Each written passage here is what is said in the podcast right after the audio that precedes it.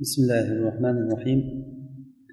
إن الحمد لله تعالى نحمده ونستعينه ونستغفره ونستهديه ونعوذ بالله تعالى من شرور أنفسنا وسيئات أعمالنا. إنه من يهده الله فلا مضل له ومن يضلل فلا هادي له. ونشهد أن لا إله إلا الله وحده لا شريك له. ونشهد أن سيدنا وإمامنا وأستاذنا وقدوتنا محمدا عبد الله ورسوله صلى الله عليه وعلى آله وصحابته ومن اهتدى بهديه إلى يوم الدين وسلم اللهم تسليما كثيرا وبعد bugungi suhbatimizni uluvul himma haqida suhbat qilamiz ya'ni himmatni oliy bo'lishligi ya'ni kishini azimati qasdi qattiq bo'lishligi shunga ba'zi bir qoidalar ba'zi bir nasihatlar haqida suhbat qilamiz Hozirgi bizni ummatni muammosi musulmonlarni muammosi ko'p narsalar faqat og'izda bo'ladigan mujarrad orzu bo'lib qolgan. Ya'ni himmatlar judayam pastga tushib ketgan. Ba'zi kishilar zehni pastligidan shikoyat qilib tamoman hamma narsani tashlab qo'ygan bo'lsa ba'zilar sal yoshi katta bo'lganligini vajh qilib shuni tashlab qo'ygan. Hattoki biror marta qur'on ham o'qimaydi ha desa qarichilik deydi. Qayta o'zi asli qarichilik bo'lgan qari kishi yana ham allohga ko'proq yaqinlashish kerak toat ibodatlarni ko'proq qilish kerak emasmi? Yoshlarga qarasangiz ish ko'p deydi vaqt yo'q deydi. Va hokazo lekin aslida agar yigirma to'rt soat vaqtni agar toat qilishlikka ibodat qilishlikka ham ishga ham boshqa narsalarga sarflab agar bo'lib qarasa bu vaqtdan himmati oliy bo'lgan kishilar ko'p narsalardan manfaat oladi. Ya'ni ba'zi bir rivoyatlarda keladi hammamiz o'qiganmiz buni tolib ilmlar ko'pchilik bilgan rivoyatlardan bir nosik kishi ibodat qiladigan bir kishi ya'ni tarki dunyo qilgan odam. Uni bir qo'shnisi tijoratchi qo'shnisi bo'lar edi u qo'shnisi har kuni unga bir kilodan asal hadya qilib turardi. Haligi asalni u odam yeganicha yeb qolganini bir ko'zaga solib ilib qo'yadi. Ozroq vaqt o'tmadi ham haligi ko'za asalga to'ldi. Keyin u kuni bir kuni qo'lida bir katta kaltakni cho'pni ushlagan holatda yotib ko'zani tepasida ko'za ilingan turgan paytda ko'zani tagida yotib haligi ko'za haqida o'ylab ketdi. Bu ko'zani ichida ham asal to'lib qolibdi shu asalni bozorga olib chiqib sotsamda e, bir ikkita echki olsam har besh oyda echkilar tug'ib beradi. Tug'ib tug'ib hali ozroq vaqt o'tmasdan ham bir to'da echki hosil bo'ladi. Keyin echkilarni sotamanda sigirlar sotib olaman. Sigirlar ham tug'adi ancha molim ko'payib qoladi. Keyin ho'kizlar sotib olib turib yer sotib olamanda o'sha yerga dehqonchilik qilib ho'kizlar bilan yer haydab tirikchilik qilaman. Bog'roqlar ekaman. Keyin xizmatchilarni ijaraga olaman. Pulim ko'payib ancha boyib qolganimdan keyin keyin shahardagi eng go'zal ayolga uylanaman.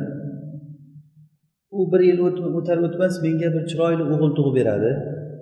U o'g'ilga juda eng chiroyli ismlardan men ixtiyor qilib qo'yaman. Keyin unga juda yaxshilab odob beraman. Agar aytganimni qilsa qildi qilmasa mana shu cho'ppidan bir uraman deb qo'lini harakatlantiruvdi haligi cho'p ko'zaga tegib ko'za sinib asal yuziga oqib ketdi. Asal uni yuziga oqqan paytda odam o'ziga keldi nima qilayotganligi. O'ziku mehnat qilib topgan asal emas u birovdan hadyaga keladigan har kuni beriladigan asal. Ya'ni bu kulgulik bir voqea bu cho'pchak bo'lsa ham lekin hozirgi bizni musulmonlarni holati shundan kam emas. Ya'ni duolarimiz ham bir qiziq duolar. Allohimma ahliki zolimina bi zolimin. Va ahrijna min bayni aydihim solimina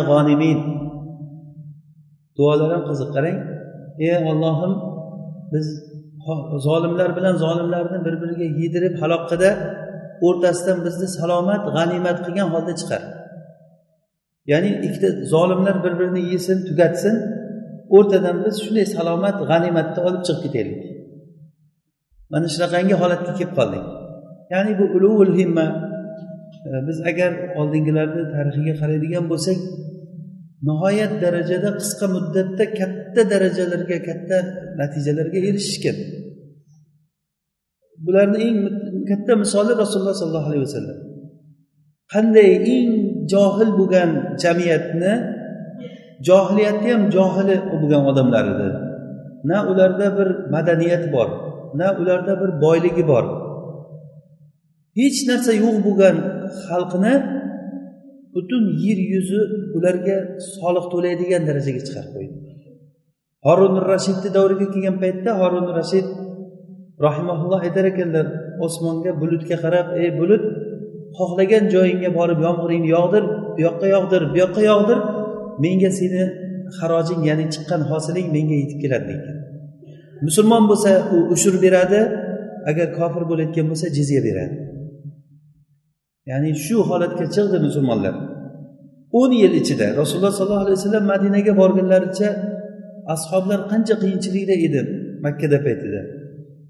Ular ko'p azoblanar edi bilol ibn robah suhayb e, ammor ibn yasir hammamiz bilamiz ularni tarixlarini qanchalik darajada olloh yo'lida ularni ozorlanganligi ularga namoz o'qinglar solih amallarni qilinglar va sizlarga yomonlik qilgan odamga yaxshilik qilinglar deb buyruq berilgan edi alloh taolo tarafidan. Keyin madinaga hijrat bo'lgandan keyin madinada rasululloh sollallohu alayhi vasallam atrofiga katta bir jamiyat yig'ilgandan keyin mana shu o'n yilni ichida butun yer kurrasi ulardan qo'rqadigan bir jamoat yuzaga keldi. Hattoki buni misoliga buxoriy rahimaulloh mag'oziy kitobida jubayr ibn hayya roziyallohu anhudan rivoyat qilgan e, hadisda aytadilar umar ibn hattobni amirlik davrlarida xalifa bo'lgan paytlarida bizni kisro bilan urushishlikka umar bizni jo'natdi dedi va bizga nu'man ibn muqarrinni bizga amir qildi. Bu paytda o'zi asli rasululloh sollallohu alayhi vasallam dunyodan o'tgan paytlarida yer kurrasida ikkita katta imperiya bo'lgan. Bittasi rum bu hozirgi suriya e, mana falastin yerlarida shom diyorida bo'lgan. Ikkinchisi kisro.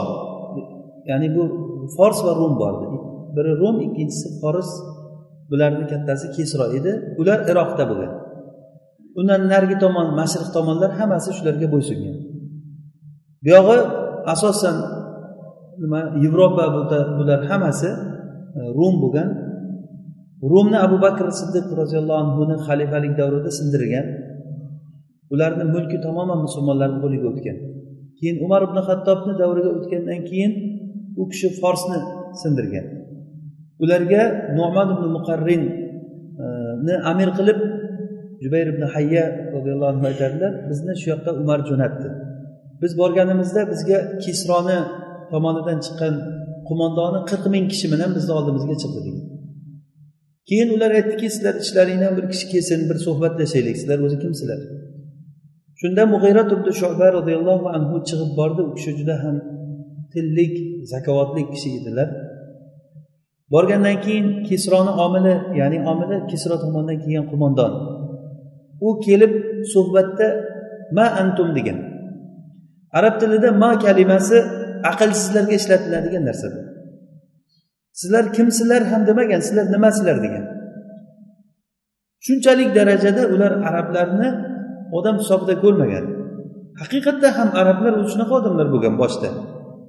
Ularda nihoyat darajada shijoat saxovat karam rujulat bu narsalar rashk ayollarni rashk qilishlik yolg'on gapirmaslik bu narsalar nihoyat darajada rivojlangan edi. Lekin fors bilan rumda bo'lgan madaniyat yo'q edi. Masalan ovqat yeyishlikdagi odoblar e, yoki uy qurish yaxshiroq bir sharoitda yashashlik kiyimlarni toza tozasini kiyishlik. Bunaqangi saqofa bunaqangi narsalar bo'lmagan arablarda. Uylari ham shunday oddiygina bir toshdan g'ishtdan shunday terib uylar yasab olgan e, kapalarda yashab ketavergan dasturxon yozib ovqat yeyishmagan.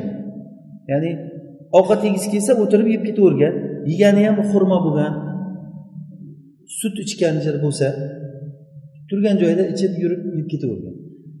Lekin rum forslarda bular bularda ancha go'shtlar tandirlarga e, dutlab yeyish boshqa qilish bunaqangi ovqatni turlarini yeyish kiyimlarni har xillarini kiyish bunaqangi saqofalar ularda bor edi. Mana shu tomondan insonni ko'ziga ko'rinadigan tomoni arablarda judayam ko'rimsiz bo'lgan. O'sha uchun ham sizlar nimasizlar deb so'ragan paytda u kishi aytdilarki biz arablardan bo'lgan bir qavmmiz biz butlarga ibodat qilardik daraxtlarga toshlarga ibodat qilardik. Va maytalarni o'limtik narsalarni yer edik mana shunday bo'lgan bir paytda bizni ichimizdan alloh taolo uni nasl nasabini biz biladigan omonatiga va uni sidiqiga biz ishonadigan bir kishini alloh taolo payg'ambar qilib yubordi bizga. Biz unga iymon keltirdik unga ergashib mana sizlarni oldilaringga keldik. U payg'ambar bizga xabar berdiki agar bizdan kim o'ldirilsa uni misli ko'rilinmagan jannatga kirgizadi alloh taolo. Ya'ni biz o'lishlikdan qo'rqmaymiz. O'ladiganlarimiz jannatga kiradi. Agarda bizdan kim yashasa sizlarni qo'l ostiga oladi. degan o'liklarimiz jannatga kiradi tiriklarimiz albatta sizlarga g'olib bo'ladi degan. Tobariy rivoyat qilgan mana shu hadisni rivoyatida kisroni omili chiqib turib ey arab arablar jamoasi sizlarda biror bir yaxshilik bo'lmagan odamsizlar. Sizlar eng sifatni yomoni bo'lgan odamsizlar deb arablarni yomon sifatlarini aytib ketdi. Shunda mug'ira ibn shoba aytgan ekanki sen birorta gapingda xato qilmading. To mana shular payg'ambar chiqquncha bo'lgan narsalar hammasi to'g'ri degan. Payg'ambar chiqib bo'lgandan keyin keyin ular boshqa ummatga aylandi. Payg'ambar chiqqandan keyin dunyoni podshohlari qo'l ostiga keldi. Umar ibn hattobni davrida hurmizonni hurmizon bu nimalarni o'sha forsni kattalaridan eng katta amirlaridan hurmizonni oldiga haydab musulmonlar madinaga boshiga tojini kiydirib ustiga choponini kiygan holatida asir qilib haydab olib kelishgan. Umar ibn hattob o'shanda madinada edilar.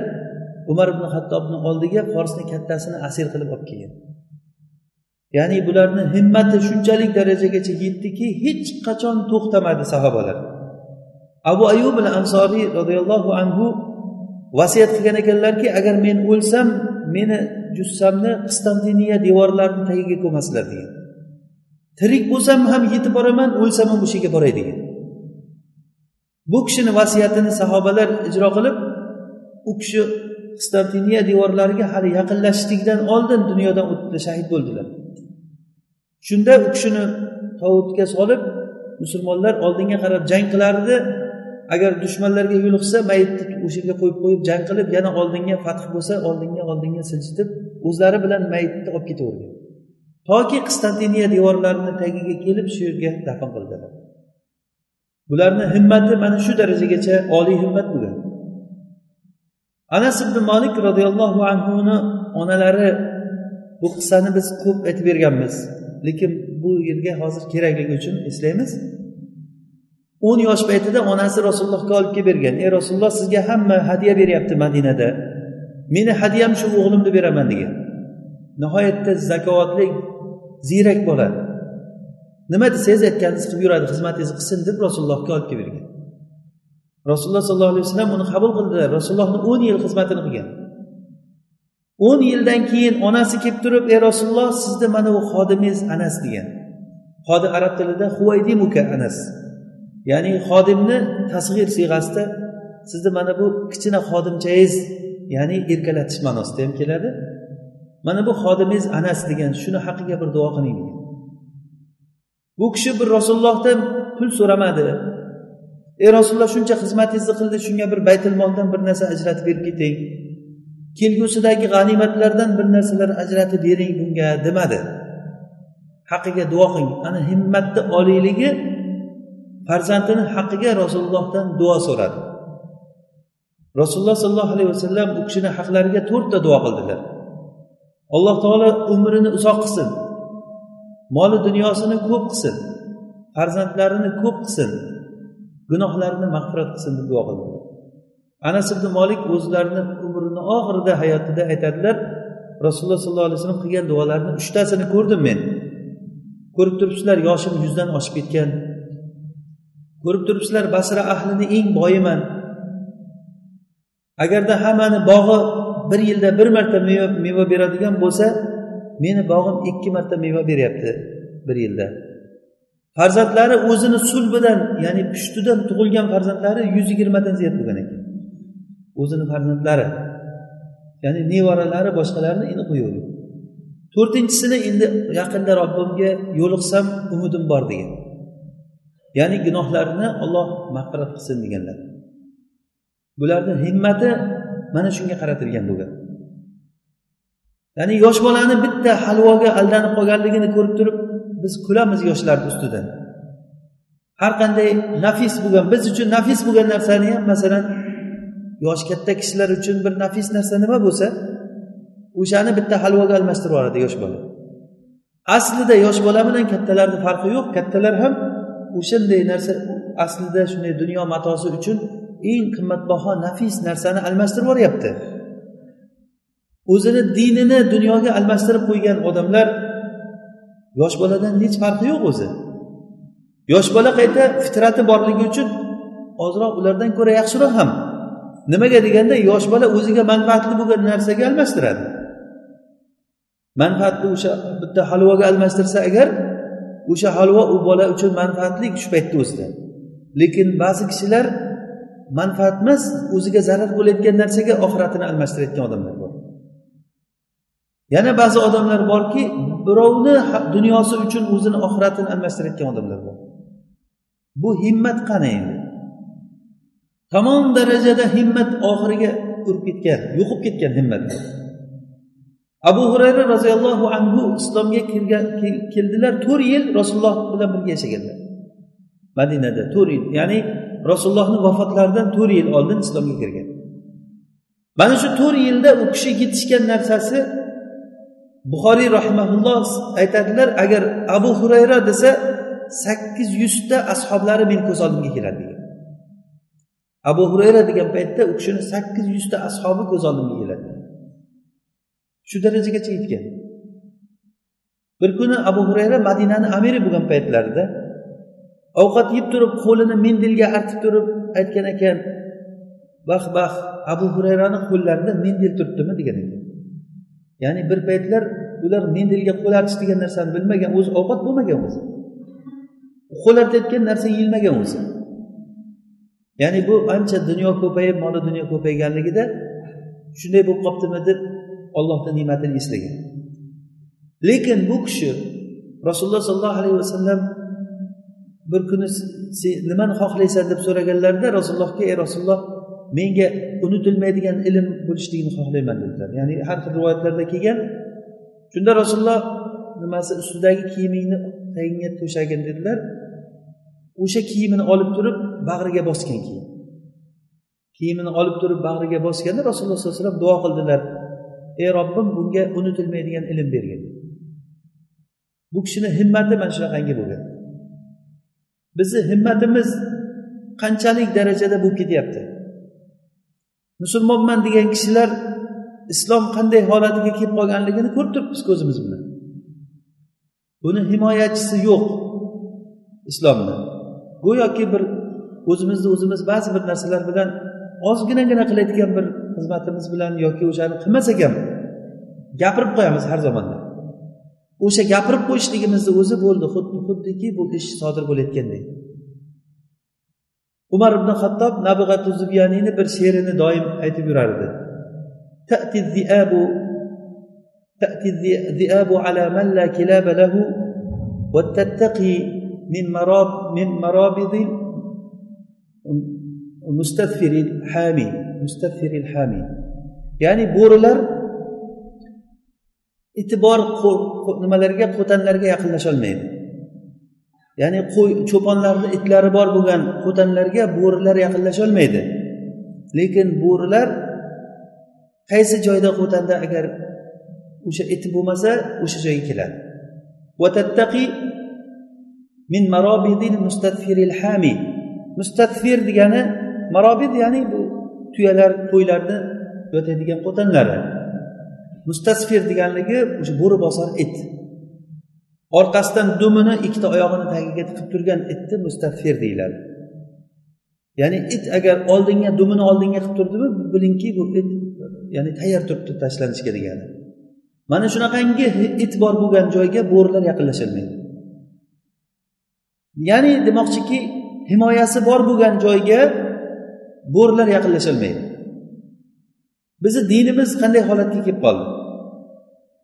Tamomiy himoyadan tushib qolganligi uchun sobit bo'lgan narsalarga hozir o'shani yo'q deb chiqilinyapti. Mana hozir yaqinda azhardan azhar nomi bilan ya'ni gapirayotgan ba'zi shayxlarni gaplarini men eshitib hayron qoldim.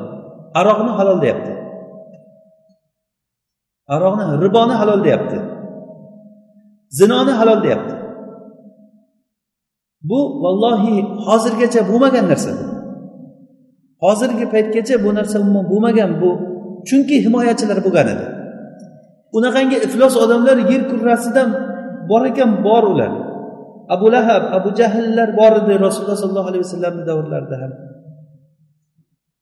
Miqdod ibn asvat bir kuni sahobiylardan bir sherigi bilan ketishlikda bir odam ko'rib turib u rasulullohdan keyin bir odam ko'rib turib bu ajablanaman bu rasulullohni ko'rgan ko'zlarga judayam havosim keladi meni.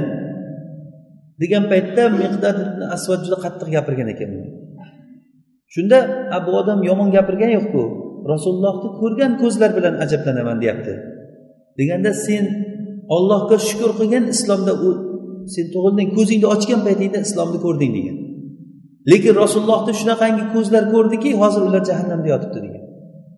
Abu lahab abu tolib abu jahllar rasulullohni ko'rmadimi?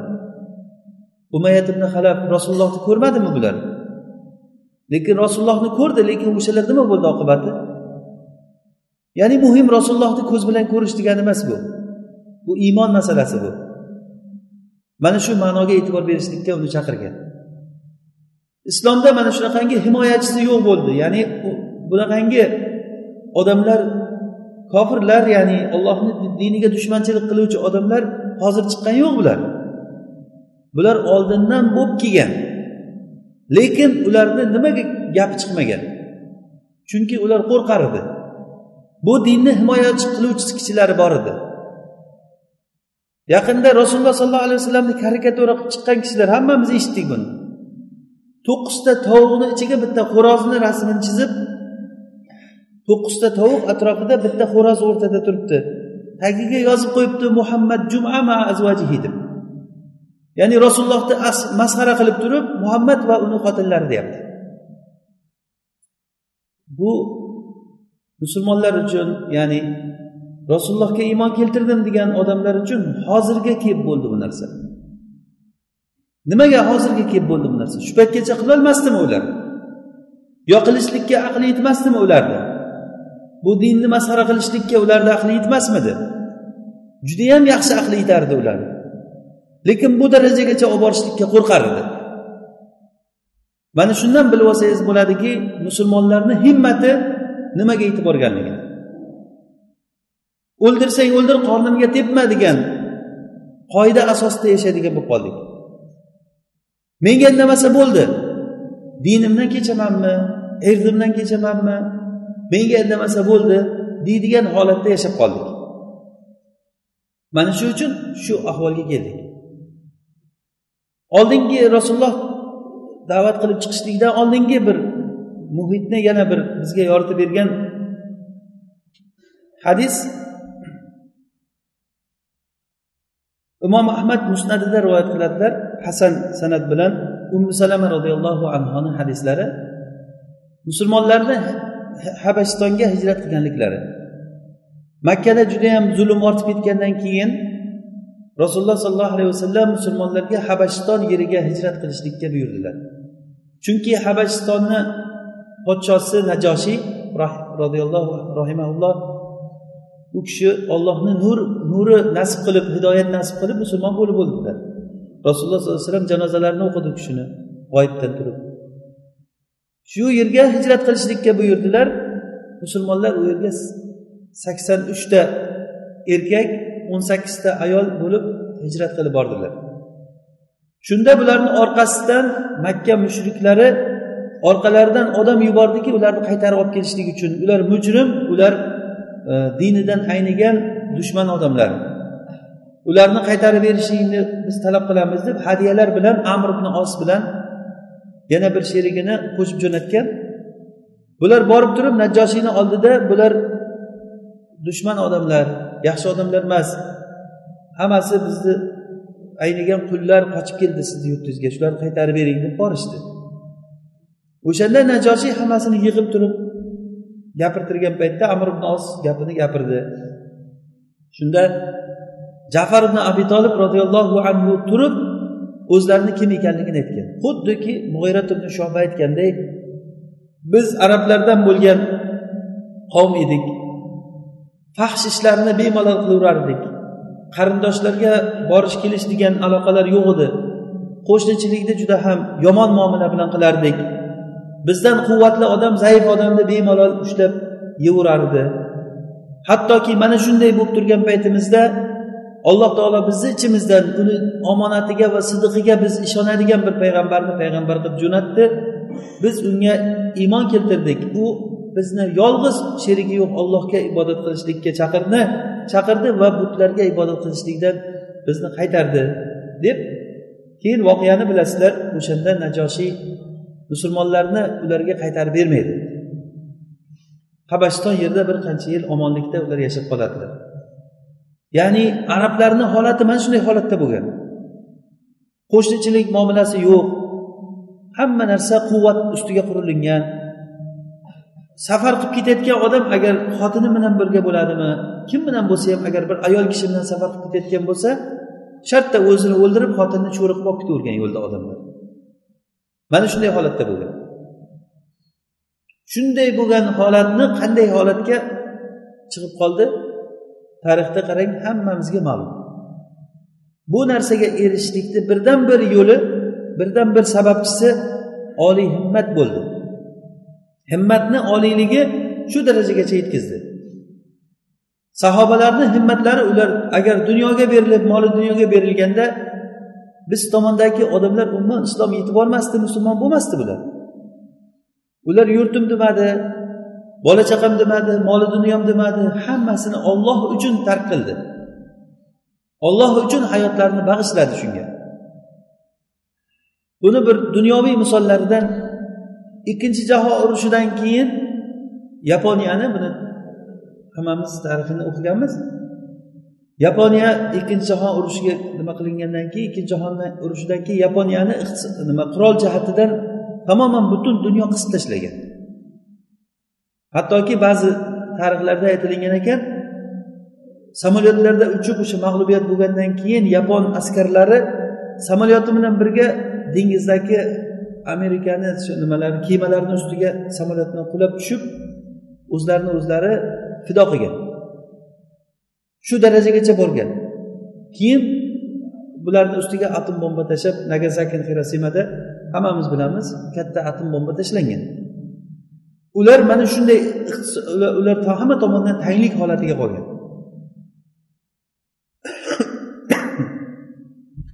shu paytda yaponlardan bir e, g'arbga o'shandan keyin o'zlaridan ta'lim olayotgan bolalarni yapon bolalarini g'arbga ta'lim olishlik uchun jo'natishlik ishlari bo'lgan ya'ni ilm o'rganib tajriba o'rganishlik uchun.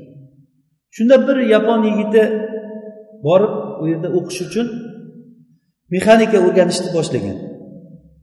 Keyin o'qish jarayonida o'zini oladigan stipendiyasini pulini yig'ib yig'ib yig'ib bitta moshinani motorini sotib olgan ekan. Motorni olib kelib turib turadigan nima uyiga olib kelib uyga joylashtirib qo'ygan o'rtaga. Keyin o'rgana boshlagan. Sekin sekin o'sha motorni detallarini bitta bitta yechib olib har yechgan narsasiga bitta raqam qo'yib birinchi ikkinchi qilib yana terishlikda haligi o'zimizda bir kishi bir narsani ochsa bir ikkita narsa ortib qoladiku o'shanday bo'lmasligi uchun raqam qo'yib bir uni yoyib yana joyiga tiklab zavod qilgan paytda motor zavod bo'ldi. Nihoyat darajada xursand bo'lib ketgan u. Xursand bo'lganligidan keyin yana ochgan yana yopgan yana ochgan yana yopgan hozir tamomiy o'rgangan undan oldin o'sha motorni ishlash mexanizmasini xaritasini olib kelib o'n kun o'sha xaritani yodlagan. Qaysi detal? Nimani bajaradi? Nima nima vazifasini bajaradi? Buni juda puxta o'rgangandan keyin keyin ustoziga borib o'qishdagi ustoziga aytgan ekanki men shu narsani yaxshi puxta o'rgandim. Keyin ustozi mana bu motorda bir joyda bir buzilgan joyi bor. Shuni sen tuzatib ko'rchi deb aytganda u motorni uyiga olib kelib yana uni ochgan ekan. Ochib o'shani boya bir joyda bir shesternasini siniq joyi bo'lgan uni o'rnatib tuzatib qo'yib zavod qilib xo'jayinisiga ko'rsatgan ekan. Xo'jayinisi aytgan ekanki senda ancha qobiliyat bor ekan. Sen bu narsani yaxshi o'rganishliging uchun zavodda ishlashliging kerak degan. O'zi asli ular o'qib kelishlik uchun borgan. Doktor bo'lib kelishlik uchun. Bitta d nuqta deb keyin doktor faloncha deb bo'lib kelishlik uchun. Keyin u narsaga ham dokumentga ham qaramay doktorlikka ham qaramasdan zavodga ishchilarga yordamchi bo'lib ishga kirgan ekan. Ya'ni ishchi bo'lib kirish ham katta muammo bo'lgan. Germaniyada bo'layotgan ish bu. Yordamchi bo'lib kirib turib o'sha yerda zavodda ishlagan bir necha yil zavodda ishlagan ekan. Zavodda ishlab o'sha motorni tarkibini tamoman o'rgangan ekan qaysi detal nimadan yasalishligini. O'zi ya'ni mustaqil ravishda motor yasashni o'rgangan. Mustaqil ravishda motor yasashni o'rgangan. Buni eshitgan yaponiyani raisi prezidenti chaqirgan ekan uchrashuv e'lon qilgan ekan. Bir kelgin bir uchrashaylik degan ekan. Shunda unga rad javobini berganki men prezident bilan uchrashishlikka loyiq odam emasman degan ekan. Vaqti kelganda o'zim aytaman degan ekan. Shu bilan roppa rosa o'n yil o'tgan. o'n yildan keyin keyin unga yaponiya hukumati tomonidan besh ming unga sovg'a berib yuborilar ekan.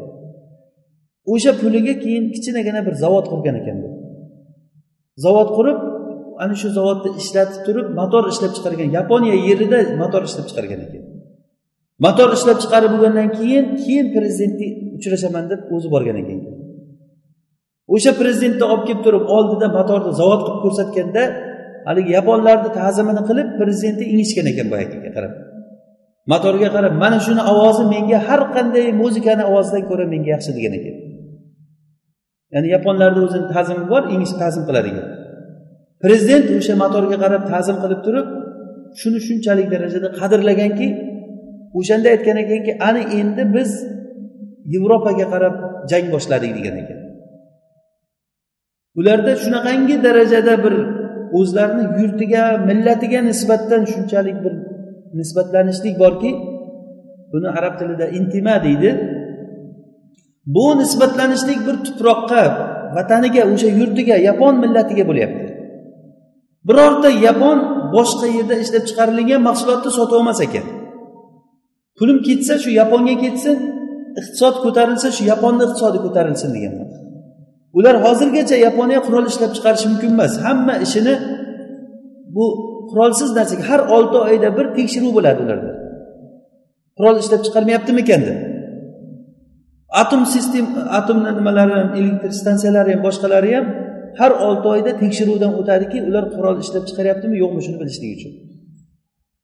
Qurol ishlab chiqargan yo'q lekin ular yaponiya deganda hamma narsa yapon moli desa hammamizni qalbimizga o'rnashib bo'lgan. Yaponiyaniki ekan desa va bo'ldi olaverdinglar nimasi bo'lsa ham mana bu narsa ularni shunchalik darajada bu bitta yapon yigitini oliy himmati to'g'risidagi bir misol bu. Lekin shu darajada ularni himmati oliy bo'lganligi u bitta emas o'sha raisini qarang qilayotgan ishini. O'sha bolani himmatini oliyligini bilib unga qancha yordam berib hatto uni chiqargan narsasiga kelib turib ta'zim qilgan. Mana shu millat o'sha harakati bilan ular tuproqqa bo'lgan bu ta'zim. Ya'ni o'zlarini vatanga bo'lgan ta'zimi. Shu narsa o'sha yapon millatini shunchalik darajada hammani qalbidan joy olgan. Ularni fidoyiligi ularni o'zlarini o'zlari fido qilishligi. Lekin bizchi biz musulmonlar. Tuyoq soni bilan sanasak bir milliard uch yuz million musulmon bor. Bir milliard uch yuz million musulmon bor. Rasululloh sollallohu alayhi vasallam aytadilar agar musulmonlarni soni o'n ikki ming bo'lsa mag'lub bo'lmaydi deganlar. Bir milliard uch yuz million musulmon bu hazilakam narsa emas bu lekin shunday musulmonlar bo'lib turgan bir paytda rasululloh sollallohu alayhi vasallam yer kurrasi ko'rmagan masxarani ko'ryaptilar. Biz judayam katta bir ojiz holatdamiz hozir. Buni eng katta sababchilaridan biri shu dinni tushungan kishilar juda katta aybdor bu narsada xosatan tolib ilmlar. Tolib ilmlar o'sha tushungan odamlar boshqa odamlarni biz ayblamaymiz uni. Ayblaymiz har bir narsani o'ziga yarasha so'ralinayotgan tomoni bor. Tolib ilmlar hamma narsani tushunib bilib turib shu tomondan himoya qilmasdan dinni ochib qo'yganligi uchun hamma narsa bo'lyapti. Eng sahih kitob bo'lgan buxoriy bo'layotgan bo'lsa musulmonlar qalbidan qancha joy olgan kitob bu? Shu buxoriyga bo'lgan tuhmatlar hozir ko'rasizki buxoriyda mavzu hadislar bor deb chiqyapti bemalol televizorlarda aytilyapti mavzu hadis degani to'qima hadis degani. Kim bo'pti u buxoriy deyapti?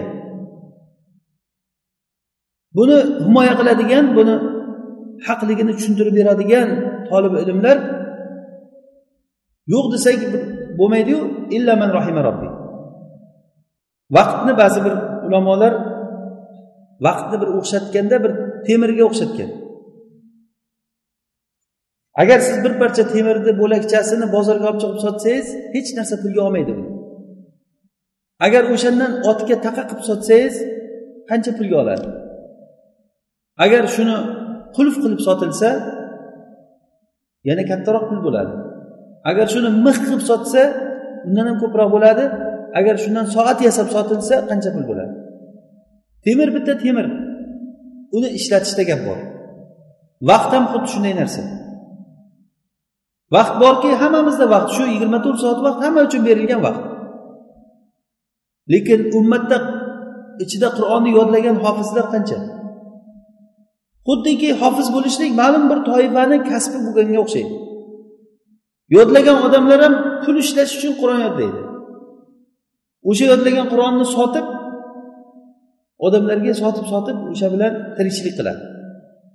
Oxiratdan tamom nasibasi yo'q umuman oxiratdan umidi yo'q u odamni. Boshqa odamlar bo'layotgan bo'lsa xuddiki qorichilik boshqa bir odamlarni ishiday qur'onga kuniga mana savol oddiy musulmon kishiga savol. Qur'onga kuniga necha marta qaraysiz? Bir qur'onni ochib o'qiysizmi? Agar o'qishni bilmasangiz o'qishlikka o'rganishlikka harakat qilasizmi?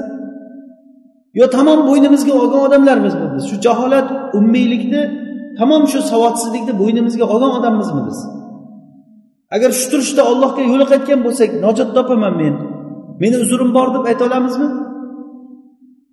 Agar aytolmayotgan bo'lsak nimaga harakat qilmaymiz shu narsaga? Sal yoshi ellikdan oshgan odamlar darrov qarichilikni bahona qilib oladi. Qarichilik deydi.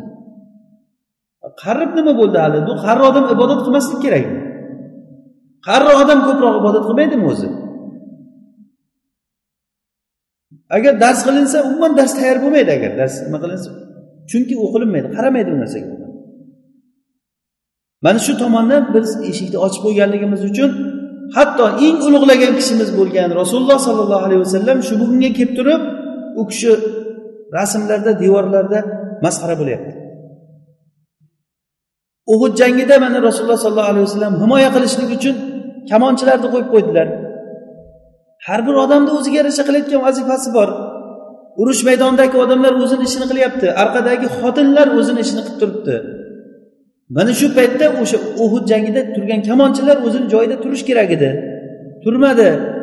Buni natijasida mana musulmonlar qancha zarba yedi rasulullohni boshlari yorildi tishlari sindirildi yuzlari qonatilindi sababi ba'zi bir musulmonlar o'zini joyida turmaganligi uchun bo'ldi.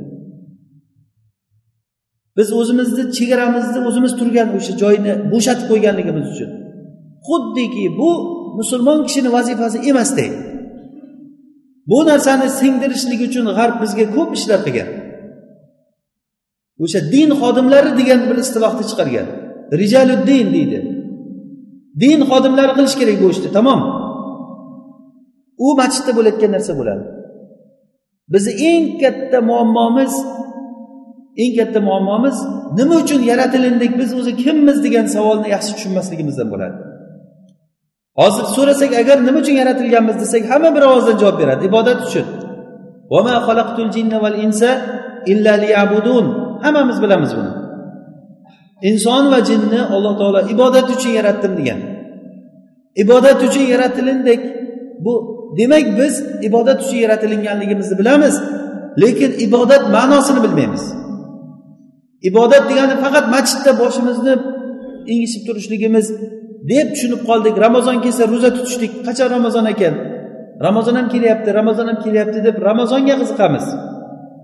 Agar berganlar zakot berishlikka vaqtini so'rab yuradi. Hajga borib kelishlikka harakat qilinadi. Ibodat mana shu narsa deb tushunib qolindi lekin ibodat bu ubudiyat degani har bir joyni har bir vaqtni o'ziga ibodati bor. Masalan ovqat yeyishlik ubudiyati bor. Birinchidan taomni haloldan topib yeyishlik. Haloldan robbim menga haloldan yeyishlikni buyurdi deb haloldan yeyishlikka harakat qilishlik bu taomni ubudiyati bu. Yegandan keyin unga shukur aytishlik. Har bitta voqeada har bitta holatda zikr bor o'zini. Rasululloh sollallohu alayhi vasallam shu narsani bizga o'rgatdilar. Taom yeyishlikni zikri bor. Ertalab uyqudan uyg'ongan paytdagi aytiladigan zikr bor. Xo'roz qichqirgan paytda shamol esgan paytda oyni ko'rgan paytda ertalab kunduzi bo'lganda kechqurun quyosh botgan paytda majlisdan o'tirib turib ketishlik paytida musibat kelgan paytida ya'ni buni azkaru sabahi val masa deyiladi ya'ni ertayu kech aytilinadigan zikrlar. Qaysimiz shuni yodlaganmiz. Yodlagan bo'lsa kim shuni davomiy suratda aytib yuradi? Kim aytib yuradi shu narsani? Biz zolimlar zolimlar deb turib zolimlardan shikoyat qilamiz hammamiz. Qachon yaxshi bo'lib ketay ekan hayotimiz deb. Biz nima uchun yaratilindik o'zi? Ibodat uchun yaratilingan bo'lsak nega qilmaymiz bu ibodatni? Qilyapmiz ibodatni. To'g'ri namoz o'qilinyapti. U ham qanday o'qilinyapti? Olloh biladi. Lekin bu namozdan boshqa ibodat yo'qmi? Uyqu ibodati masalan. Ubudiyatu navm uxlashdagi bo'ladigan ibodat. To'shakka borib oxiri yotayotgan paytdagi duo. Rasululloh sollallohu alayhi vasallam o'ng tarafini pastga qilib chap tarafini tepa qilib qo'llarini yuzlariga qo'yib oxirgi o'qilgan duolari. Allohumma vajjahtu vajhi ilayk va aljatu zohri ilayk va fawwadtu amri alayk. La malja'a va la manja'a minka illa ilayk. Amantu bi kitabika allazi anzalta va bi nabiyyika allazi arsalta.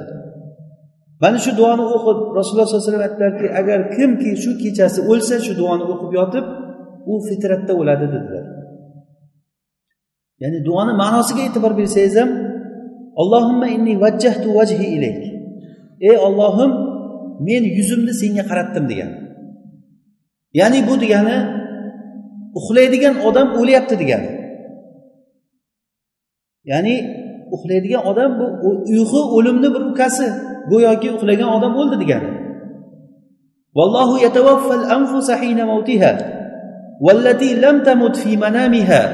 فيمسك التي قضى عليه عليها الموت ويرسل الأخرى إلى أجل مسمى alloh taolo jonlarni oluvchi zot hammani jonini vaqt kelgan paytda jonni oladi va yana uxlagan odamlarni jonini oladi kimga agar o'limni qasd agar yozib qo'ygan bo'lsa uni ruhini ushlab qoladi agar o'limni hali yozmagan kishilar bo'layotgan bo'lsa ma'lum bir vaqtgacha qaytarib beradi ruhini Har kuni uxlagan paytimizda bizni ruhimizni olib yana qaytarib beradi. Ya'ni buni ozroq e, sharhi bor ruhlarni badanga bo'lgan taalluqi. Inshaalloh buni keyin boshqa darslarda aytamiz har o'lgan nima uxlagan paytida go'yoki biz o'ldik degani qaysi ma'noda o'lim degani bu ham. Shuning uchun ham o'limga ketyapsizmi? Ey ollohim senga yuzlanib ketyapman degani sen tarafga qarab ketyapman degani. Degan men orqamni senga topshirdim. Ya'ni o'ladigan uxlaydigan odam tamom yordamsiz qoladi. Oddiy bir chumoli kelib turib quloqqa kirib ketsa ham kirib ketaveradi. Uxlab yotgan odam tamom o'lib yotibdi degani. Hech narsa qilolmaydi shu paytda ollohdan u odam madad so'raydi.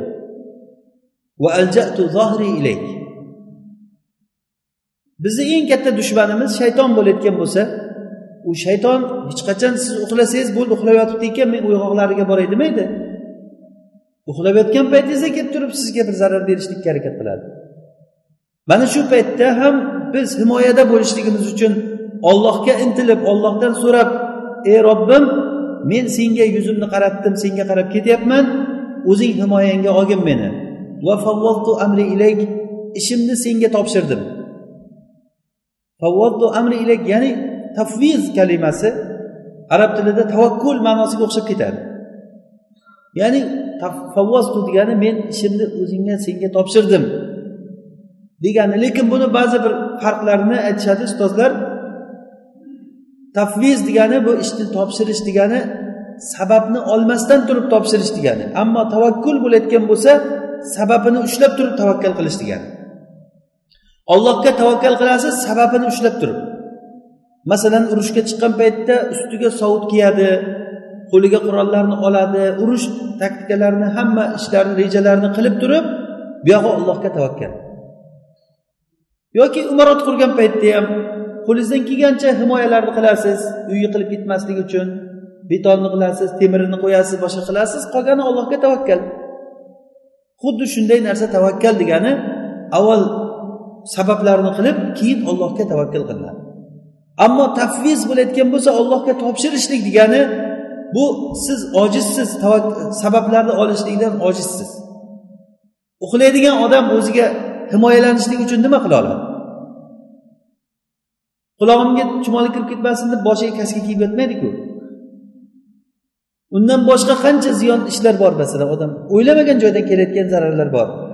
Shaytonu jinlardan qanday himoyalanadi bu odam? Tamom g'aflat holati. Mana shu holatda men o'zimni senga topshirdim degan. Sen nozil qilgan kitobga iymon keltirdim yuborgan payg'ambaringga ishondim degan. Iymon keltirdim. Mana shu va'da bilan uxlaydi odam. Agar shu kechasida dunyodan o'tsa bu odam fitratda ketadi. Shu kechasi dunyodan o'tayotgan bo'lsa fitratda. Ya'ni oxirgi kalimasi olloh bilan bo'ladi. Turgan paytda alhamdulillahillazi ahyana ba'dama amatana. Va ilayhi nushur. Ollohga ham bo'lsin bizni o'lganimizdan keyin tiriltirdi deb alhamdulillah deb turiladi. Ollohga o'zini topshirib uxlaniladi. Mana bu uxlashlik ubudiyati uyqudan turishlik ibodati.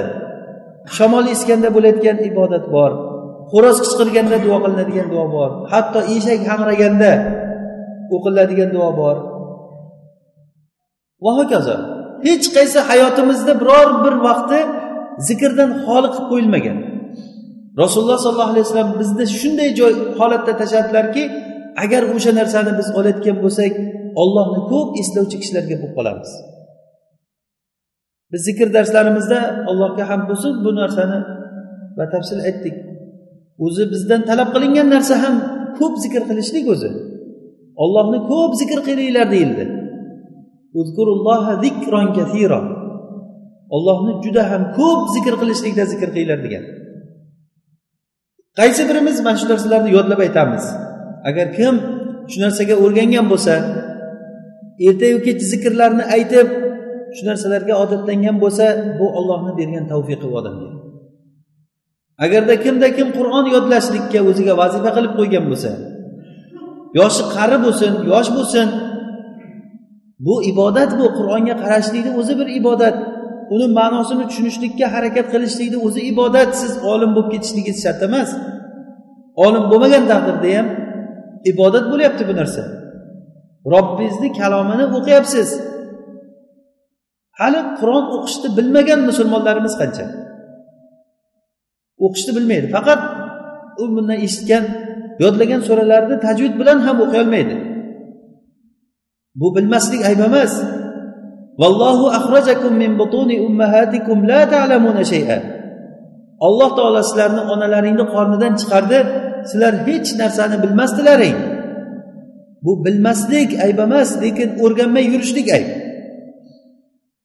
O'rganishlikka iloji bo'lib turib o'rganmay yurishlik yana ham ayb bu o'rganib bo'lgandan keyin esdan chiqarib yuborishlik undan battar ayb. Qur'onni yodlab yodlagan qur'onni esdan chiqib esdan chiqib ketsa ilm o'rganib turib o'qigan ilmini esdan chiqarib yuborsa uyalmasdan turib biz bir paytlar o'qigandik bir o'n yil oldin shundan beri kitobga qaramay ketdik deb tirikchilik bilan bo'lib ketdik biznesga kirib ketib qoldim keyin degan odamlar qancha? Qani ulug'ul himma bizda himmatni oliyligi qani? Biz o'zi kimmiz biz? Mana shu tomondan bizni masalan hozir islomga bir mansub bo'layotgan bo'lsangiz shu islomda sizni o'rningiz bormi yo'qmi? Yo tamom siz maydondan tashqaridagi odam bo'lsangiz unda boshqa gap. Modomiki shu islom maydonida bo'layotgan bo'lsa kim la ilaha illalloh muhammadu rasululloh deydimi? Erkak bo'lsin ayol bo'lsin yosh bo'lsin katta bo'lsin qari bo'lsin uni bir o'rni bor uni hayotda. Shu shu joyda o'zini vazifasini qilishlik kerak. Agar shu vazifasini qilmaydigan bo'lsa bu demak o'ziga o'zi shu umrini zoyi ketkazgan bo'ladi. Kimda kim bu ishni qilayotgan bo'lsa dini uchun harakat qilayotgan bo'lsa o'zi uchun qiladi. Alloh taolo bizni qilayotgan narsalarimizga hech muhtoj emas. Ertayu kech qiladigan zikrlarimizga hech muhtoj emas. Ollohga tasbeh aytuvchi farishtalar bor. Alloh taolo ularga ham muhtoj emas. Agar tasbeh aytish kerak bo'layotgan bo'lsa osmonda bir to'rt barmoq qo'ygalik joy yo'qki o'sha joyda bitta farishta boshini qo'yib allohga tasbeh aytadi. Osmonda biror bir joyda ochiq joy yo'q farishtalar qiyom turgan sajda qilgan tasbeh aytgan ruku qilgan holatda bo'lishadi.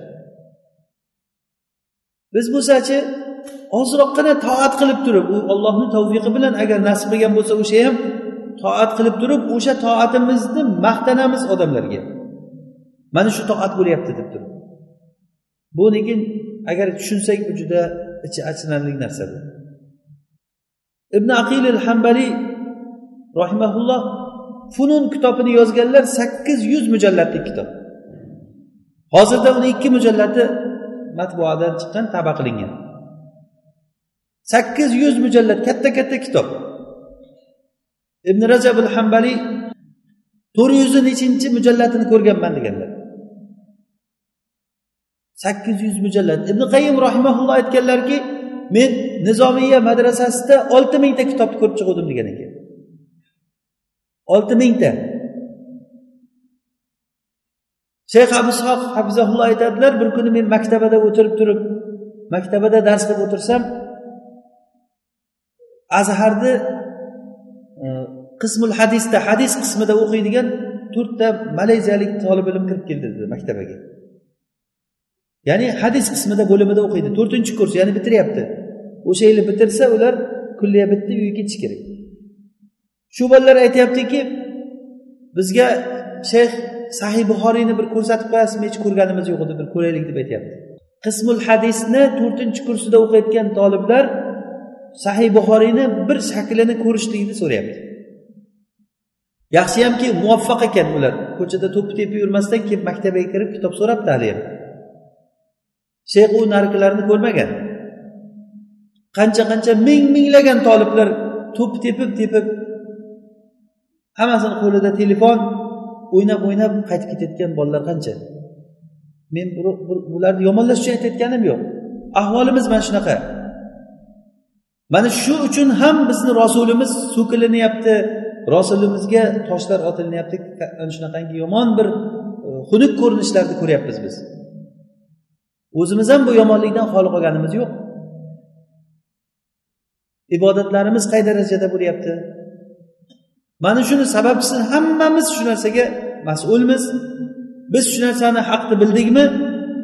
Hammamiz shu narsadan so'ralinamiz har bir odamni o'zini davri bor.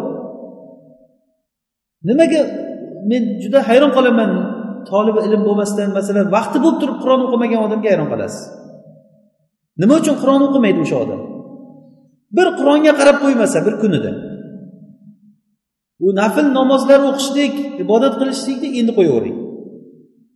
Baqiy ibn mahlad rahimaulloh bu kishi andaluslik. Baqiy ibn mahlad degan kishi. Ilm talab qilishlik uchun yigirma yil safarda yurgan ekan. Bir safar qilishlikda yigirma yil aylanib kelgan yana bir ikkinchi safar qilishligida o'n to'rt yil chiqqan ekan. O'ttiz to'rt yil ilm tolibi bo'lib turib safar qilib yurganlar. Basrada imom ahmad rahimaullohni eshitgan paytda imom ahmaddan ilm o'rganaman deb yo'lga chiqqan. Basraga borgan paytda imom ahmad xalqul qur'on masalasi bo'yicha u kishini mo'tasim qamab qo'ygan paytiga to'g'ri kelib qolgan. Mo'tasim bu mo'taziliy xalifa bo'lgan. Mo'taziliylar degani qur'onni maxluq deb o'zlarini aqidasini boshqa odamlarga singdirishlik uchun ahli sunna ahli sunna ulamolarini juda qattiq bir ibtiloga uchratganlar. Shulardan ko'pchiligi fitnaga tushgan ulamolar ko'pchiligi azobni zo'ridan e, ruxsatni olib turib qur'on maxluq deb aytib chiqqanlari bo'lgan ba'zilari tariz qilgan. Shunda bu kishi imom ahmadni uchratolmagan imom ahmadni uy qamog'iga qamab qo'ygan ekan. Ya'ni u kishiga berilgan jazo shunday bo'lgan ekanki faqatgina uydan to'g'ri yerga qarab turib masjidga borib farz namozini o'qib yerga qarab uyga kirib ketishlik buyurilgan. Agar bir musulmon bilan gaplashsa ta'sir oladi. Gaplashgan odam ham va imom ahmad ham qiyinchilikka uchraydi. Kuzatuvchi nimalar bo'ladi? Ularni kuzatib turayotgan odamlar. Pul olmasdan kuzatayotgan odamlar o'sha paytda ham bo'lgan. Xolis kuzatib beradi. Keyin u kishi borib imom ahmadni uchratolmasligini ko'rgandan keyin bir masjidda halqasiga borsa u yerda dars yahya ibn main dars berayotgan ekan. Yahya ibn main ahmad imom ahmadni sheriklaridan bo'lgan. Keyin bir ochiq joyni ko'rib o'sha yerda o'tirib turib shayxdan savol bera boshlagan hamma har yerdan savol bergan yahya ibn main ko'proq rijollar to'g'risida ya'ni falonchi odam adolatli falonchi odam adolatli emas. Hadis kimdan olsa bo'ladi kimdan olsa bo'lmaydi. Shu mavzuda e, bu kishi turib savol berib ketgan. Imom yahya ibn mayinga savollarni bergan u kishi javob bergan javob bergan keyin boshqa talabalar ham bizga ham sal navbat bering taqsir hech savol deb bo'shatmayapsiz bo'ldi oxirgi savolim degan ekan. Imom ahmad to'g'risida nima deysiz shayx degan ekan. Shunda yahya aytgan ekanki imom ahmadday odamni menday odamdan so'raysanmi degan ekan. U imom degan. Tamom boshqa gap yo'q degan. Imom ahmadday odam so'ralinmaydi qanday u deb degan. Shunda keyin bu kishi qasd qilganki bo'lmasa imom ahmaddan dars olmasam bo'lmaydi deb. Imom ahmadni oldiga borgan ekan eshigini taqillatganda chiqqan ekan. Taqsir men tolib ilmman uzoq joydan keldim sizga ilm o'rgangan degan. Menga mumkin emas degan. Agar bilib qolsa menga ham senga ham qiyin bo'ladi. Shunda aytgan ekanki men uzoq yerdan keldim. Qayerdan kelding deganda afrikadan keldim degan. Afrikadan bo'lsang seni haqiqatdan uzoq joydan kelibsan deganda men hali sizga hammasini aytganim yo'q. Men undan ham uzoqroqdaman andalusdanman degan. Andalusdan afrikaga kelish uchun dengizdan tushish kerak pastga. Keyin buyog'i mag'rib tunis jazoir tunis qilib misr qilib aylanib kelinadi. Shu bilan kelib shomga e, nima iroq yurtiga kelgan. Andalusdan aylanib kelgan. Men andaluslikman ilm o'rganishlik uchun siz uchun shuncha joyni bosib keldim degan. Keyin yana bir joyi men bu yerda g'arib kishiman meni hech kim tanimaydi degan. Agar xohlasangiz bir tilamchi sifatida uyingizga kelib dars olaman degan. Ha o'zing bilasan degan shayx. Shunda bu kishi ilm o'rganishlik uchun o'zini tilamchi nimasiga olib boshiga bir lattani o'rab qo'liga bir kaltakni olib turib miskinga yordam beringlar miskinga beringlar deb turib eshiklarni taqillatib taqillatib kelib u ahmadni eshigini taqillatar ekan. U kishi eshikni ochgandan ichkariga kirar ekan. Kirib o'sha yerda hadis eshitib bir qancha payt shunaqa qilib hadis o'rgangan ekan. Mana bu oliy himmat bo'lgan kishilarni qilgan ishlaridan bitta misol. Ya'ni ulul himma himmatni oliy bo'lishligi insonga juda ham katta bir mukofotlarga olib keladi.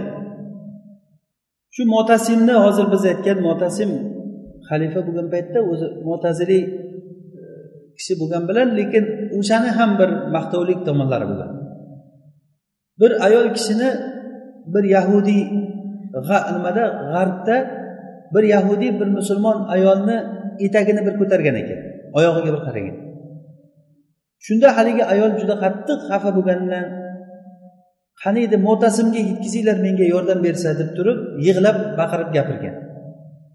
Shuni musulmonlardan bir kishi u yerda eshitib turgan bo'lgan to'g'ri kelib mo'tasimni oldiga kelib xalifani oldiga kirgan ekan.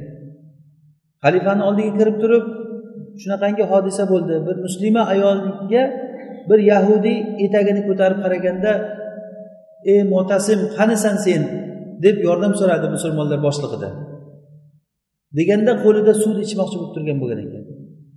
Ushlab tur suvni ushlab tur degan ekanda suvni berib qo'yib shunday chiqib birdan askarlarni jamlagan shu yoqqa borib g'azot qilishlik uchun. Ya'ni bitta musulmaga shunaqangi bitta noto'g'ri muomala bo'lgan paytda butun ummatni musulmonlari o'sha tarafga qarab intilgan. Mana o'shanday bo'lgan paytda hech qaysi bo'rilar bu musulmonlar qo'tanlariga kelib turib hujum qilolmaydigan bir paytlar bo'lgan ekan. Buni hammasini sababi musulmonlar o'zlarini vojibini o'zlarini ishlarini vaqti vaqtida bilib qilgan. Mana shu narsani agar biz hozir agar uyqudan hozir uyg'onsak alloh taolo bizga katta bir katta mukofotlarni va'da qilgan. Mug'ira ibn shohba roziyallohu anhu aytganlari kabi agarda biz o'ldirilsak agar inshaalloh agar olloh yo'lida ollohni dinini oliy qilaman degan yo'lda agar kim o'ldirilsa bu hech ko'z ko'rmagan quloq eshitmagan jannatlarga kiradi. Agarda kim yashasa xor bo'lib yashamaydi. Xor bo'lib yashamaydi. Bu himmatni oliyligidan bo'ladi. Bizni xohlaydigan narsamiz ollohni roziligi tagidan anhorlar oqadigan jannatlarni istaymiz. Alloh taolo hammamizni shunday kunlarga yetkazsin lekin bu narsa uchun haligi aytganimizdek nosikni bir suhbatimizni boshida aytgan e, nosikni voqeasiga o'xshab qolmaylik. Ya'ni bu nosik nima? Birovdan kelgan asalni hali uni qilaman hali bu qilaman deb quruq orzu mana shu narsa bilan vaqtini o'tkazib turib o'sha borini ham yo'q qilgan. Abu bakr muhammad ibn abdul baqiy degan kishi tolibi ilm bo'lgan paytlarida makkada juda ham och qolib ochidan o'lar darajasigacha ham borgan ekan. Juda qiyinchilikka qolgan.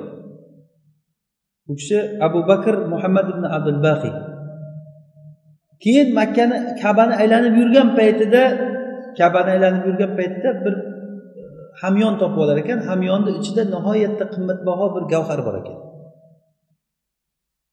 Keyin shuni ozroq yurgandan keyin bir musulmon kishi nido qilib yuribdi ekanki kim topib oldi meni hamyonim tushib qoldi deb. Topgan kishiga besh yuz dinor beraman deb yurgan ekan. Keyin u kishi men topib oldim qanaqa edi deganda uni sifatlarini aytib bergan. Mana seni narsang deb qaytarib berganda besh yuz bersa bu kishi olmagan ekan. O'zi qattiq muhtoj bo'lgan lekin shu narsani olmagan. Olgin desa yo'q men bu menga halol bo'lmaydi bu. Men vazifam o'zi berishlik deb turib ya'ni uluvul himmaga bir misol bu shu muhtoj bo'lib turgan joyda haligi topilgan narsani olmagan ekan. Keyin vaqtlar o'tishi bilan shu nima hajni qilib bo'lgandan keyin yurtiga ketish uchun dengizdan o'tish kerak ekan. Dengizda ketishda kema bir to'lqinda kema ag'darilib sinib hamma odam g'arq bo'lib turib bu kishi bir taxtaga osilib kemada najot topib qolgan ekan dengizda. Shamol bu kishini o'ynatib bu yoqqa o'ynatib bu yoqqa o'ynatib bir qancha paytdan keyin bir e, orolga olib borib tashlagan ekan. Haligi musulmonlarni yurti bo'lgan ekan u yerdan chiqib kiyimlarini e, quritib bir masjidga kirgan ekan. Masjidga kirsa masjid ahli namoz o'qiymiz degan paytda keyin bu kishi shakllaridan qarasa ahli ilm ko'rinish bo'lgan namozga imom o'ting deganda imom o'tgan nihoyatda qiroatlari ham yaxshi bo'lgan ekan. Keyin odamlar siz kimsiz? deganda men shu musofir kishiman. Deganda bo'ldi shu yerda masjidda turavering siz. Shu yerda imom bo'ling masjidimizni imomi ham dunyodan o'tib qolgan edi. deb turib u kishini masjidga imom qilibdi. Ozroq vaqtdan keyin keyin odamlar kelib turib sizni bir uylantirib qo'ymasak bo'lmaydi. Bo'ydoq bo'lib yurishligingiz yaxshi bo'lmaydi deb bir yetim qiz bor. Juda aqlli qiz bor otasi o'lgan. Shunga uylaning deb turib shuni odamlar o'rtaga kirib uylantirar ekan. Keyin haligi bilan uchrashgan paytda ko'rsa haligi topib olgan gavhar bo'yniga taqilgan bo'lgan haligi qiz bola. Hayron bo'lib qolgan ekan bu kishi. Shunda haligi gavharga qarab termilib qolgandan qiz bola uyalib chiqib ketgan. Keyin odamlar bir gaplashmabsiz ham shu faqat e, bo'yniga termilib o'tiribsiz ekan hech narsa demasdan desa bu bo'ynidagi taqib turgan gavharni men topib olgan edim shuni. Kabadan desa odamlar hammasi subhanalloh o'sha odam sizmi degan ekan. Buni otasi kelib turib hajdan kelganda gapirib bergandi bizga. Men shu gavharni yo'qotib qo'ygandim bir solih kishi shuni topib olgan edi. Topib berdi menga. Ey olloh meni qizimni o'sha odamga nasib qilgin deb duo qilganda biz omin deb turuvdik shu yerda degan. Ollohni qadari bilan aylanib shu yerga keldi. U kishi bilan yashab ozroq vaqtdan keyin vaqt o'tib ikkita farzandli bo'lgan ekan. Ikkita o'g'il o'g'il tuqqan ekan. Keyin ollohni qadari bilan haligi ayol dunyodan o'tgan ikkita o'g'li ham o'lgan ekan. O'lganda boyagi munchoq u kishiga meros bo'lib qolgan ekan. Haligi topib olgan nimasi meros bo'lib qolib turib shuni olib yana o'zini tolib ilmligida yo'lda davom etib ketgan ekan bu kishi. Ulug'ul himma ya'ni bu himmatni oliyligi biz agar bir dunyo uchun ish qiladigan bo'lsak dunyo uchun ish qilayotgan bo'lsak pul uchun yo boshqa narsa uchun bo'layotgan bo'lsa himmatimiz o'shanga yarasha bo'ladi. Lekin bizni himmatimiz agar ollohni dinini oliy qilishlik bo'lsa ollohni jannatiga kirishlik bo'layotgan bo'lsa ko'p ko'p ishlarga alloh taolo o'zi tavfiq beradi inshaalloh. Inshaalloh suhbatimiz vaqtimiz oxiriga yetib qoldi. Alloh taolo hammamizni dinida sobit qadam qilsin. Alloh taolo o'zini dinida haqiqiy tushunadigan fahmli kishilardan qilsin. سبحانك اللهم وبحمدك نشهد أن لا إله إلا أنت نستغفرك ونتوب إليك.